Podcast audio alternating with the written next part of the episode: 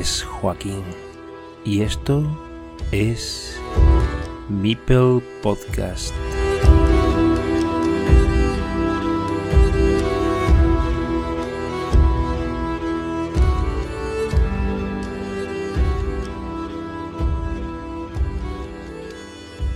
Bienvenidos una vez más a Mipel Podcast. Hoy tenemos la suerte de contar con uno de los protagonistas esenciales de la comunidad Carcassonne Spain, miembro también de la organización y activo jugador que pertenece por méritos propios a la selección online. Eh, Zocanero, Zocanerov, Zocabestro, Zocachanclas, Zocajaven, Zocalienetro, eso no sé lo que es, Zocabrón, eso lo puse yo. Hola David. Hola, ¿qué tal? ¿Qué tal, Joaquín? ¿Cómo estás? Buenas noches. Madre mía. ¿Cómo quieres que te llame? Qué cantidad de alias. Me has cascado en un momento. Eh, me puedes llamar. Me puedes llamar como más te guste. Pues vamos a llamarte por tu, por tu partido de nacimiento, por David mejor. Eh, te permite licencias, pero es que en realidad te, te dicen de todo en el Telegram, ¿no? Bueno, yo no sé, ah, soy, soy cabeza de turco ahí en el, chat que tenemos. No, pero encantado, la verdad, me lo tomo con humor y, siempre, siempre son bien recibidas. Bueno, oye, al final te has librado y no has venido a Sevilla, ¿no? Ya te digo, tío, al final se fue, se fue mi chica sola. Por, bueno, parte por trabajo, parte porque la verdad que a mí, bueno, respeto muchísimo las creencias, pero yo soy bastante iba a decir ateo, pero más bien soy agnóstico y, y no, no me va mucho lo litúrgico, ¿sabes? Soy más, soy más tranquilo, más mundano. Pero no te hacía ilusión, coño, ver la Semana Santa de Sevilla. Ni pizca, ni pizca, te lo juro. O sea, es verdad que como experiencia tiene que estar chula y algún año me la voy a tener que zampar porque al ser mi chica de allí todo seguro que me va a tocar. Pero, pero así a priori no, no es un viaje que yo programaría. Ya, ya, bueno, y te quejabas ayer de tener que ir a Navalcarnero, con la que te has quitado de encima durante, toda la semana. Nada, sí, bueno, pero eso, eso sí que lo hice con gusto, que además llevaba casi dos semanas sin verla y ya tenía ganas de tenerla aquí conmigo. Está bien, está bien. Oye, ¿qué te ha parecido esa reciente victoria de Luis sobre Alexei? Es flipante, ¿no? Joder, sí, sí, la, he visto hace 10 minutitos o una cosa así. Un crack, Luis, macho. Eso le, suma valor a, a, la victoria que tuve en la liga frente a él está bien, está bien. vamos a ver, respóndame una primera pregunta que te voy a hacer dentro de esta entrevista. Dime quién es en realidad David Cobo Zocanero. Bueno, pues nada, un, chaval, bueno, ya, ya casi que podemos decir un hombre, ¿no? De 32 años de aquí de Madrid y, que se dedica básicamente a sobrevivir. Muy bien. Eh, ¿Cómo viste con Carcassonne y cómo conociste a este grupo tan nutrido de seguidores tuyos? Joder, pues fíjate, lo de Carcassonne eh, mm, te diría que fue totalmente azaroso porque me regaló la caja esta, el Plus, eh, la del 2014, la más reciente, una novia que tuve hace como, no sé, pues, ocho años, seis años, no sé, no tengo ni idea, tío. Eh, y me la, me la, regaló y se tiró la caja como un año en la estantería cogiendo polvo. Y de pronto un día dije, vamos a ver de qué va esto. Y conforme fui leyéndome las reglas y, probando así con las losetas, escribí a un, colega con el que juego habitualmente y de hecho sigo jugando.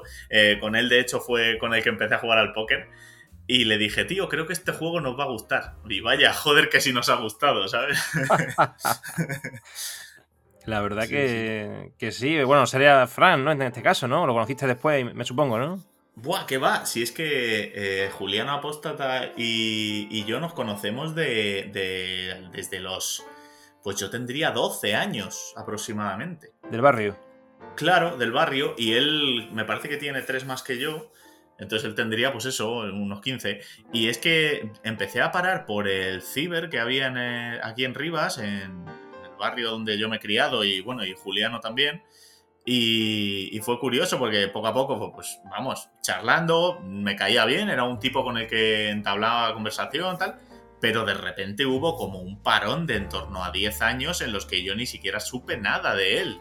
Y de pronto, no sé cómo, ni cuándo, ni en qué momento, creo que fue en la biblioteca estudiando, nos volvimos a encontrar y como que ahí enganchamos ya una especie de amistad en la que quedábamos con, con gente para jugar juegos de mesa. Y de ahí, pues no sé en qué momento, tío, porque es que hace ya tanto y hay una maraña de, recuerdos que no sé de, qué manera decirte eh, que todo esto ha, derivado en que ahora, pues fíjate, que, tenemos una amistad bastante sólida, bastante guay.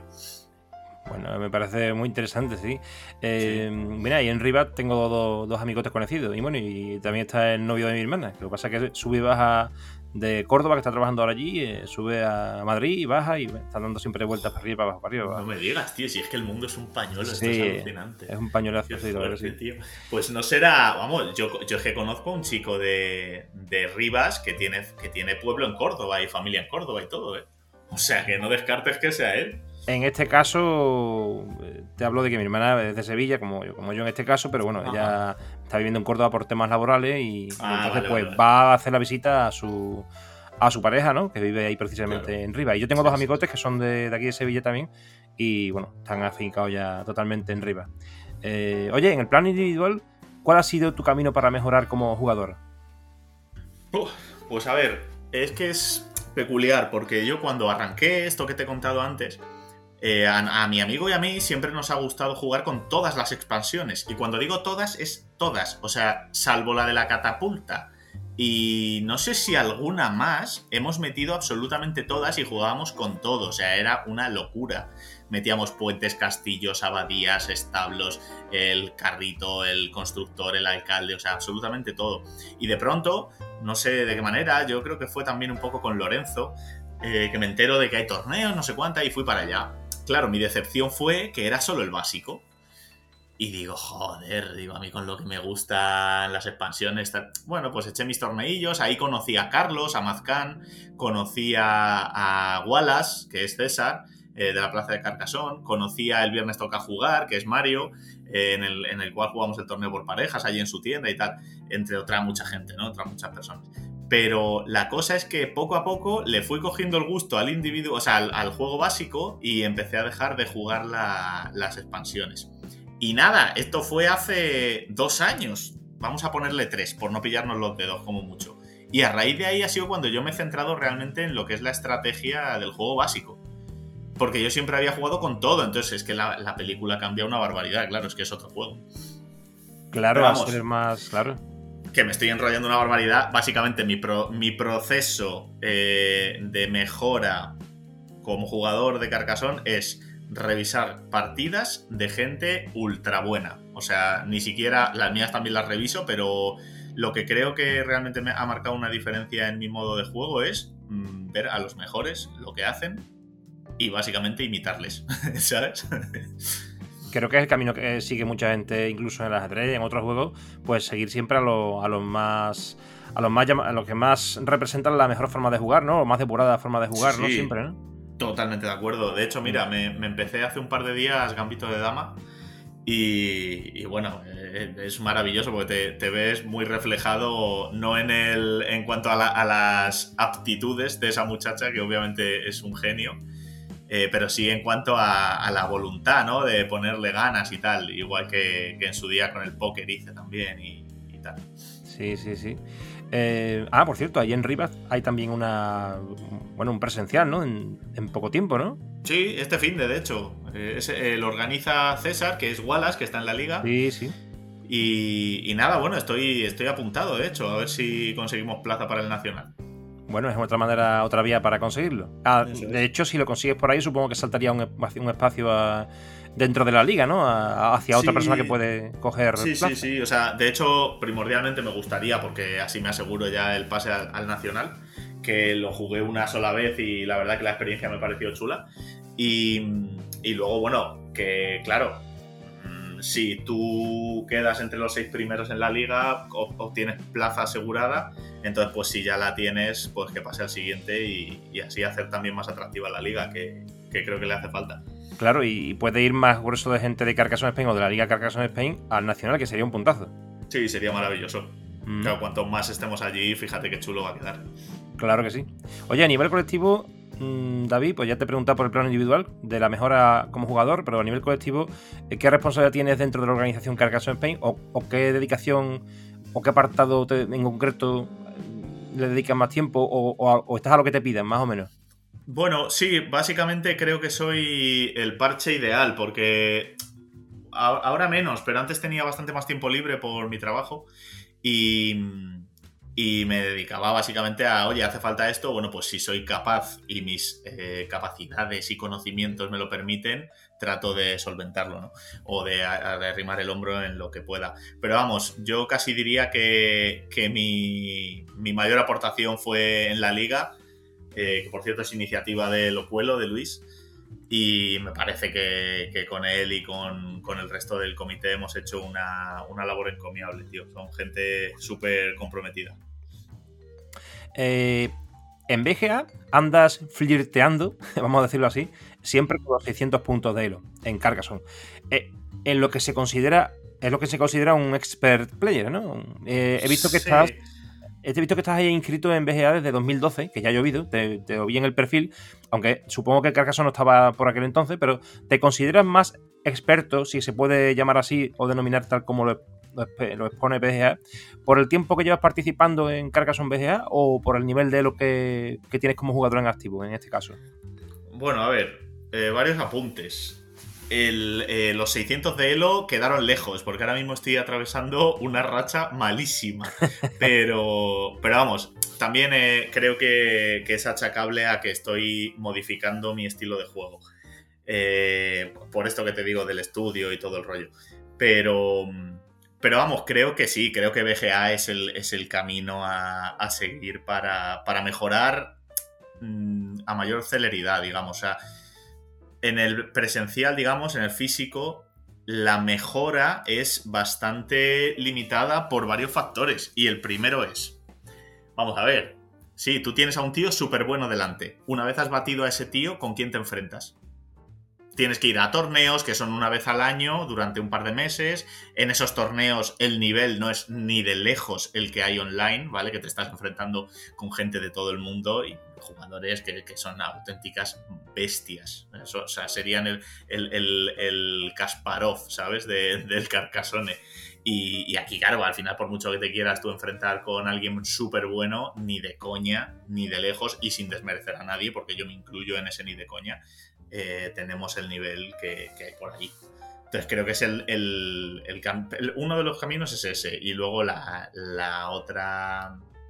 El otro handicap es que, claro, presencialmente tienes que quedar con gente, tienes que desplegar el juego y volver a montarlo y todo el rollo. Online es clic, ya está, ya estás jugando, ¿sabes? O sea, es como mucho más rápido.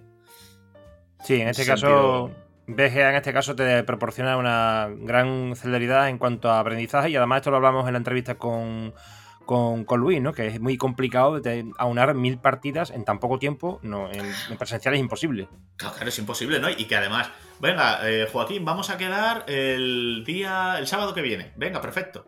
Hasta el sábado no has jugado. En cambio, aquí lo abres en cuanto tienes media hora. Bueno, yo así me voy a poner escatológico. Cada vez que voy al trono me echo una partida. O sea. ¿Sabes? Pero, pero te quiero decir que al final es que te permite muchísimas facilidades. Que obviamente el romanticismo del físico existe y a mí me encanta y lo disfruto mucho más. Y una cosa que comentaba con Ciamat, con Víctor, em, que no había caído yo, pero es verdad que, BGA te sombrea las zonas en las que tú puedes colocar la loseta y eso en el presencial obviamente no existe. Lo tienes que ver por ti mismo. Claro, puede resultar un hándicap a efectos de ayuda. Eh, y eh, jugar en presencial o de forma con el físico, ¿no? Con el juego físico, sin necesidad de esa ayuda, te, facilita más el trabajo mental, ¿no? A la hora de estudiar o de entrenar o de practicar, ¿no? Eso también es verdad. Absolutamente, sí, sí, absolutamente. Vamos, es, cierto que yo ni había reparado en eso. O sea, fíjate hasta qué punto estoy abstraído del juego físico ya, que hace mil años que no juego. La última vez fue con mi novia y para enseñarla cómo se juega, para que te das una idea. Sí, sí. Había una cosa antes que no te comenté, cuando hablabas de las expansiones, eh, a mí me encanta eso de las expansiones y tengo una persona ahí con la que haré una entrevista próximamente que os va a encantar, puesto que nos adentraremos en ese mundo de las expansiones y eh, a mí me encanta, pero la que no me llama la atención tanto es la catapulta, pero te quería preguntar que eh, cuando tú hablas de jugar con las expansiones te refieres físicamente, o sea, con todos los juegos físicos. Sí, sí, sí. Todas las expansiones físicas. Todo físico. Madre mía, pues eso para. Tendría que jugar en el suelo, ¿no? Porque es imposible jugar en una mesa. Bueno, es que mi amiguete este, bueno, tiene un casoplón enorme y, tiene, como dice Goyo Jiménez, tiene una mesa en la cocina en la que cabe todo mi puto piso, ¿sabes? pues básicamente, o sea, tiene una mesa fuera de broma que puedes dormir en ella, es una barbaridad. Bueno, eh, oye, ¿cuáles son los jugadores a los que te resulta frecuentemente más difícil debatir? Referido por un lado a los españoles y por otro lado en el ramo internacional dentro de Arena. Vale, bueno, eh, a ver, así haciendo un... Te, digo los españoles que, es como lo más rápido. Vale. Eh, me cuesta mucho... O, bueno, mucho no te sé tipo, tampoco hemos tenido tantas, tantas partidas, pero vamos, Estroncio me parece un jugadorazo al, más alto nivel. O sea, es un tipo realmente brillante, el, mamón. Eh, y de hecho, las dos, o creo que han sido dos, pero vamos, las dos o tres últimas partidas me ha dado, me ha dado en la oreja. Y luego así alguien más que, me, que me cueste, se me atraganta bastante EQ, que por cierto tengo mi duelo esta semana con él. Me parece un tío muy muy bueno. O bueno, mira, justo acabo de echar una hace media horita o así, con Juliano en arena, que hemos coincidido y hemos empatado. La verdad que es un, chaval que, también juega, juega súper bien. Juega un queso el tío. Y luego nada, a nivel internacional, pues cualquiera que esté en el top 20 me parece que, le gano rara vez. el Mijail Rus este me parece muy bueno. Alexei, ¿qué voy a decir de él? Últimamente creo que me han tocado cinco partidas y las he palmado todas. Luego, bueno, ah, una nacional que me cuesta una barbaridad también ganar es a Valle. Así que se me viene. Es, que la tía juega los, los prados, que, además yo creo que, es un poco mi bestia negra el tema de los prados. Pero bueno. Tiene un sexto sentido, ¿no? Con esto de las granjas, ¿no? no yo, es que creo que ya empezó siendo un sexto sentido. Pero yo creo que la tía ha visto que es su fuerte y lo está elevando ya a la enésima potencia. O sea, es como, vale, aquí es donde yo voy a barrer a la peña, ¿sabes? Y luego nada, a nivel internacional, pues que son los típicos, o sea, es que tampoco voy a decir nada. El Dark Passenger, este creo que me ha ganado todas, por ejemplo, también. O sea, no sé, es como peña súper buena. De hecho, últimamente lo que estoy haciendo es vetar a la gente que tiene muy bajo nivel, le pongo un pulgar rojo a los pobrecillos. Porque, porque es que es verdad que es que es tiempo perdido absolutamente y, sobre todo que me aburro, vamos, porque si pierdes el tiempo que te entretienes, pues vale, pero es que es aburrido. Ya. Eh, oye, ¿haznos algún comentario sobre el chiringuito del Mipel y sobre este podcast? Joder, pues mm, la verdad es que sería, sería el, mismo para ambos, pero bueno, voy a ser un poco creativo. De primera voy a decir que me parece que es necesario, ¿vale? Tanto tener un, un, podcast en el que poder conocer a la gente y generar interés acerca del juego me parece chulo, proyectando a largo plazo, obviamente, y a que la comunidad crezca. Y pues claro, ¿qué voy a decir de, un canal de Twitch en el que se comentan cosas, hay un, pues lo que hablaba antes, ¿no? una conversación fluida, agradable, en el que se permiten bromas. Realmente sentirte como en tu casa a través de una pantalla con gente con la que puedes estar chateando a diario y te van a contestar con la mejor de las sonrisas, me parece que, es la leche, que estamos haciendo un trabajo muy bueno y, que a largo plazo esto yo creo que solo puede, vamos a hacer efecto bola de nieve, poco a poco cada vez va a ser más grande. La verdad que sí, estoy contigo ahí porque a mí la comunidad me encanta y esto pues, pues sube la adrenalina. Hablemos de glosario. No sé quién se sacó de la manga, habría que preguntárselo a Frank, aquello del overfarming. El overfarming. Luego, luego, Luego, por cierto, a colación de esa nomenclatura, Frank hablaba también a la inversa del underfarming. Exacto, exacto. Creo que fue Ciamat, creo que fue Víctor. Mm. Eh, me parece, ¿eh? en un directo que lo dijo, dijo, uh, qué overfarming hay. Y, de hecho me pareció un conceptazo, o sea, me pareció buenísimo. Estoy haciendo un glosario al respecto de esto, ¿eh? porque es muy curioso, pero claro, eh, tenemos detrás un montón de losetas que ya se les ha puesto nombre previamente y se han ido modificando y bueno, hay incluso por ahí alguien que votó las losetas y se convirtió esto en una cosa muy curiosa. Habría que hacer un, diccionario de Carcassonne Spain, o por lo menos de pues Carcassonne. Estaría muy, muy bien, la verdad. Bueno, vamos a, tirarlo ahí un poco como que. A ver si recorre guante, no sé, estroncio o algo así. Porque también le gusta eso de. Sí, sí, le flipa, le flipa. Yo, de hecho, estuve bicheando que, todo nació acerca de algo que dijo él, el tema del glosario, me parece. ¿Ah, sí? Sí, me suena de por ahí, de por algún chat. Nada, nada, la verdad es que yo me quedo con el concepto de la daga. La daga a la derecha y la daga a la izquierda, porque es la única loseta que no. que yo no le había encontrado un, nombre que me, que me sirviese para hablar de ella rápido. Que es básicamente la tapa con curva derecha o curva izquierda, ¿no? Y, eso es cosa de César, de la plaza de, de Carcasón, de, Sí, sí, sí. Que lo, dijo un día en el chat y digo, hostia, se lo voy a coger porque, claro, es una daga porque en cuanto te la colocan así estás casi muerto, ¿no? pero mira, es curioso, pero al Mipel he oído que en el chiringuito lo llaman, a ver, aparte de Mipel y, o la versión original de seguidor o follower, ¿no? sí que le ponen al principio en Hansing Look y después lo, toman en los foros y demás, eh, Íñigo creo que lo llamaba Keko. Sí, Keko. Y os he oído comentar en alguna ocasión muñeco o monigote, pero a Oscar lo he oído hablar como muñequete, que también se lo ha dicho Frank, y hace un rato he, leído a Rakarot decir muñecote. O sea, hay de todo. Muñecote, buenísimo. ¿Cuál, es tu favorita? Yo, yo siempre le, les he llamado muñecote también, ¿eh? ¿Muñecote? Es decir, sí, sí, sí. Con, con mi colega decía, nada, te coges el muñecote. Eso lleva lo, premio, de ¿eh? lo de Mipel vino después, cuando ya empezamos a ser unos jugones de otros tipos de juegos y ya pues pues nació, nació, vamos, el conocimiento básico de, del que se adentra, ¿no? A este mundo. ¿Y tienes algún término así que podamos añadir al glosario ahí en primicia en, el podcast? No, la verdad es que yo ya te digo, les llamo Mipel habitualmente, aunque Keko me gustó mucho. Y, con eso me quedaría, vaya. Bueno, vamos a poner un término de. Eh, tú cuando juegas con Oscar, por ejemplo, ¿sueles ganar tú o Oscar? Hostia, pues no te sé decir. Desde luego en la liga me ganó él 2-1. Eh, pero vamos, yo, mira, por no. Voy a ser humilde y voy a decir que él, porque, mira, como me ganó en la liga y es lo más reciente al final, yo, yo, yo diría que él, ¿eh? Además, es, el, es el vigente campeón nacional, o sea que. Vale.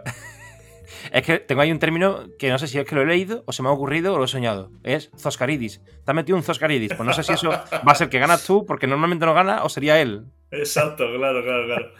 bueno, ahí, lo, ahí, lo, dejamos. Eh, oye, volviendo al apartado de la selección, ¿llevas jugando desde el principio en ella o desde que se inició, quiero decir? ¿Qué va, tío? Si es que, es que, mira, yo es que de verdad, para mí lo de la comunidad esta de Carcasón ha sido algo como de repente me escribió, me... esto igual, te, te digo que me parece que fue así, me escribió una amiga y me dijo, tío, me han invitado a un torneo, no sé cuántas, o en la BGA una amiga con la que también jugaba el Carcasón y tal. Y digo, ah, ¿qué torneo es ese? Total, que me manda el enlace y me inscribo y era el torneo famoso este de, del clasificatorio para el europeo último que hubo.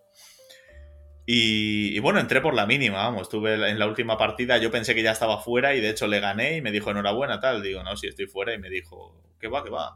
Has entrado, el que ganaba de nosotros pasaba a la selección, digo, anda la leche. Así que ahí entré pero que es que fue todo absolutamente, vamos, azaroso, aleatorio, o sea, podemos decir todo lo que se te ocurra, porque yo ni sabía de su existencia y de repente me veo compitiendo en el europeo, ¿sabes? Que creo que a Luis le pasó exactamente lo mismo esta última vez. Bueno, yo conocí, yo conocí el, la BGA, eh, creo que fue en enero de 2022, entré por, el, por Hive, por el tema de Hive, ¿no? Sí. El juego este de, la, de, los insectos. Y eh, a continuación me compré el juego de Carcassonne y fue en, febrero de 2022 cuando opté por la membresía Premium. Y coño, ¿quién me iba a decir que tú ibas a estar haciendo un podcast un año después? ¿no? Quiero decir que esto para todo el mundo creo que ha sido un, boom y de revolución Carcassonne Spain, por supuesto. Absolutamente, absolutamente. Pero vamos, es que gente como, como o como tú, Joaquín, creo que, sois los que más os cargáis el peso a las espaldas, ¿no? Es como decir, venga, voy a hacer esto y lo hacéis. No, no sois gente que divaga, que os andáis con, con 20.000 vueltas. No, no. Oye, quiero hacer esto, pum, para adelante y que salga como salga, que creo que Luis en ese sentido también es muy así, que es el, pionero absoluto de la liga, ¿sabes? Eh, eso te iba a decir, hay, hay, más gente, cada uno haciendo una cosa diferente, que creo que son parecidos. Lo que pasa es que los vistosos podemos ser a lo mejor nosotros porque hemos creado un canal, ¿no? Uno de un podcast y otro de, un, de Twitch, ¿no? Para estar también sí, realmente sí. Es que tú fíjate, por ejemplo, Stroncio, que está como a la sombra siempre, el tío se ha cargado a la espalda con, todo el curro duro, vamos a pues decir, con casi todo, ¿sabes? Sí, sí. Una pasada el tío te quiero decir que, es, eh, es, vamos, admirable, desde luego, todo lo que estáis haciendo. Bueno, y dime qué futuro ves en la selección y en Carcassonne Spain en general. Bueno, pues mira, eh, te voy a hablar del presente. El presente es que espero hacer un papel digno, ¿sabes? Porque, pues vamos, estoy, estoy muy de capa caída. Y nada, pues la idea es que en el futuro el nivel de, ya no de la selección, sino de, todo el país suba y podamos realmente hacer frente a países como Rusia o como Lituania que, que joder, que son, son una locura el nivel que tienen. Y, poder realmente mirarles de tú a tú y no como ha pasado en, algunas otras ediciones en las que pues, al final te barren del mapa como es lógico, ¿no? Somos un, un país más verde en ese sentido. Entonces la idea nada es poco a poco divirtiéndonos, pero tomándonoslo en serio, pues, pues generar una comunidad en la que realmente haya, haya un colectivismo en el que podamos mejorar como, grupo y no simplemente a nivel individual. Estoy de acuerdo contigo. Em, mira, te voy a abrir una ventana. Em, es tu turno para decir lo que tú quieras en lo referente a la comunidad respecto del juego online, los presenciales, algo que quisieras que los demás escucharan decir de tu boca o algo que creas que puedes añadir al margen de las preguntas que te, que te he hecho.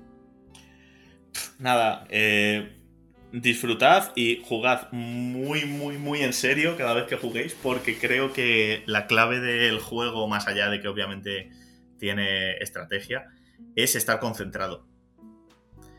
Y, nada, y que, que, ojalá esto siga creciendo, que no caiga en saco roto que no sea agua de borrajas y que poco a poco hagamos una, una comunidad cada vez más firme y férrea y podamos disfrutar muchos años de esto. Sí, creo que sí. Además, en palabras de Luis, yo creo que todo esto está sirviendo para que todos mejoremos el nivel y que haya una comunidad interesante, no solamente por, pues, por vernos jugar y lo que nos apetece todos juntos, ¿no? Que es Carcassonne, como decía él, que somos unos trastornados de Carcassonne y es la realidad. Pero mm, bueno, que al final esto sirve para mejorar el nivel y que, que lleguemos a, convertir en una selección pues potente, ¿no? Que podría ser muy interesante, la, la verdad que sí. Sí, sí, sí, es, es, su obsesión, ¿eh? O sea, Luis tiene unas ganas de que el nivel de, de la nación suba. El tío debe ser un patriota de la hostia. Bueno, antes de unas preguntas cortas que hago siempre al final de las entrevistas, eh, te voy a poner una situación. Esta es divertida, claro, porque como eres tú el entrevistado, pues tengo que poner una situación divertida. A ver, eh, imagínate, estamos en carnavales, ¿vale? Y tú estás junto con David Estroncio y con Fran Juliano Javier Epóstata de todas las cartillas. Bueno, lo, mm, lo, simplificamos a Estroncio y Frank, ¿vale?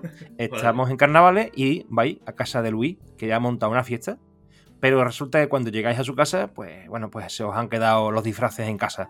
Pero por suerte, Luis tiene unos disfraces en el armario. Tiene uno de caperucita, otro de lobo y otro de, y otro de la abuela de caperucita. ¿Cómo lo ves? Hostia, lo veo claro además, ¿eh? O sea, creo que Caperucita sería Juliano, sin duda, ¿vale? Y, el lobo estroncio, puesto que le ha ganado en la liga, ¿sabes? Que, le, metió, que le metió una buena tunda. Y tú estás ahí en medio de caperucita, ¿no? Y yo me pongo de abuelita, que, las, abuelitas son sabias y, así me pongo en una tesitura bastante positiva. muy bien, muy bien. Bueno, ha salido de atolladero. A ver qué es lo que dice Frank. Eh, bueno, por último te hago las preguntas de respuesta corta. Eh, ¿Por qué Zocanero? Bueno, pues eso viene de la época esta en la que te digo que conocí a Juliano. Básicamente, yo andaba buscando un, nick para, el Counter-Strike, vaya, que era el juego al que jugábamos entonces, y al Warcraft 3. Y viendo las noticias, digamos, llevaba a lo mejor un mes ¿eh? buscando un nick y ninguno me convencía. Creo que fue cuando, la, cuando el, el 11M aquí en Madrid y lo del tema del atentado y todo eso. Y hablaba de, de la zona cero, ¿no? Y joder, me sonó genial. Digo, hostia, zona cero. Tú fíjate, yo absolutamente ajeno a toda esa película, ¿no?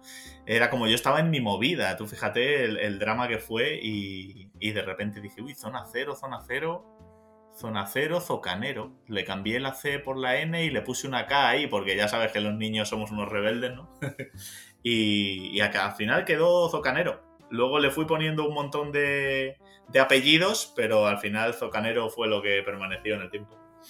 Claro, si eso fue en 2004, tú tenías que tener allí, pues sería 20, 18, pues, estamos hablando de que tenía 15 años, ¿no? 14, 15 años. 14, 15, sí, pero, y es que incluso yo no creo, creo que no fue ni ahí, ¿eh? yo creo que fue previo, pero vamos, de alguna historia que, algún accidente o alguna catástrofe de estas que... Ya, ya, sí, sí, sí, sí. ¿Tu loseta favorita? Mi loseta favorita eh, voy a meter las expansiones y voy a decir que es la recta con posada en, Posadas y Catedrales, que me parece una loseta, pues que sería un poco la equivalente al tubo con escudo, que creo que, que para empezar es magnífica.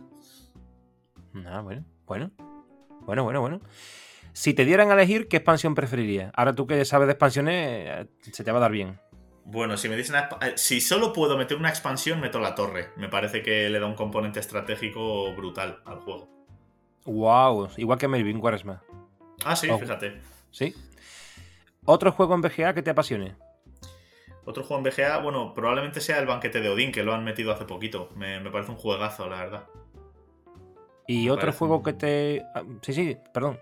No, no, que me parece un juego de la hostia, que tiene un montón de o sea, tienes que comerte el tarro en diferentes aspectos, ¿sabes? Está chulo. Y bueno, otro juego que te guste, pero que no, no se encuentre en el catálogo de BGA. Me flipa el Terraforming Mars, por ejemplo, el Gloomhaven, como ya sabéis todos los que estáis ahí en el chat de Carcassonne. pero vamos, eh, Terraforming Mars me parece un muy, muy buen juego. Pero es que te podría decir la tira, o sea, es que juego con muchísimos. Eh, esta pregunta a lo mejor no es corta, o sea, mejor dicho, la pregunta sí, pero la respuesta puede ser que no. Pero bueno, ¿qué cambiarías o mejorarías en la plataforma BGA? Pues el tema de los tiempos, de poder poner el tiempo que tú quieras en las partidas, literalmente, ¿sabes? Que no te den tres opciones ahí cutres. Porque, pues fíjate todo lo que está pasando con el tema de que crean torneos individuales para dos personas ahora y están pensando en hacer incluso eso para, para el mundial. Yo creo que eso es una de las cosas. Y luego quitaría el sombreado la verdad, de, los setas en... De, la posibilidad de colocar la loseta que te ha tocado, quitaría ese sombreado porque, porque creo que le resta capacidad.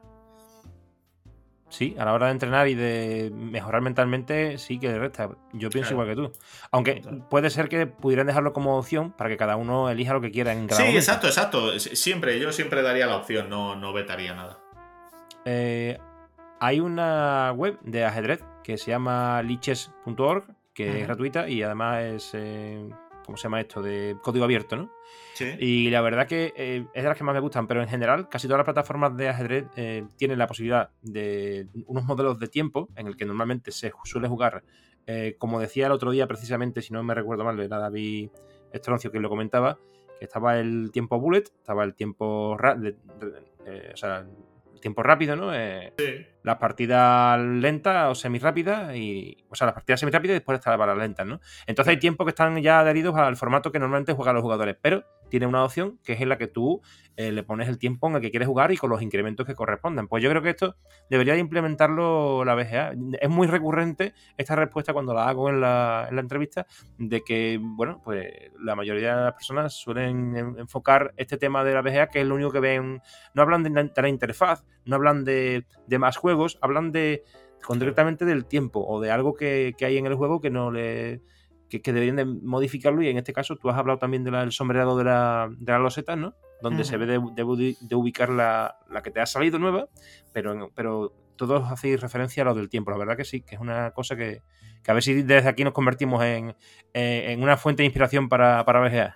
Claro, sería la hostia. De todas formas, vamos, si que metiesen juegos, imagino que si no los meten no es por ellos me figuro que, la empresa o, el dueño, el responsable, no, estará por la labor de meter ciertos juegos. Eh, ¿David ha visitado Carcassonne en Francia? ¿Qué va? He visto París, simplemente, pero Carcassonne no. A ver si lo tengo pendiente. Fuiste en avión, ¿no? Porque si no, te cogería de camino casi. Exacto. bueno, Zoca, mucho gusto de haberte tenido entre los entrevistados de Mipel Podcast. A ti, Joaquín. Ha sido un placer. Muy bien, muchas gracias. Y a todos los oyentes también agradeceros vuestra presencia en este espacio interactivo de Carcassonne. Recordad que podéis oír este podcast en Google Podcast, Spotify, Evox y la propia web del cartero de carcassonne.com. Aunque la web principal está aún en obras, el alojamiento de los podcasts se encuentra ya perfectamente disponible. Nos vemos en el próximo episodio.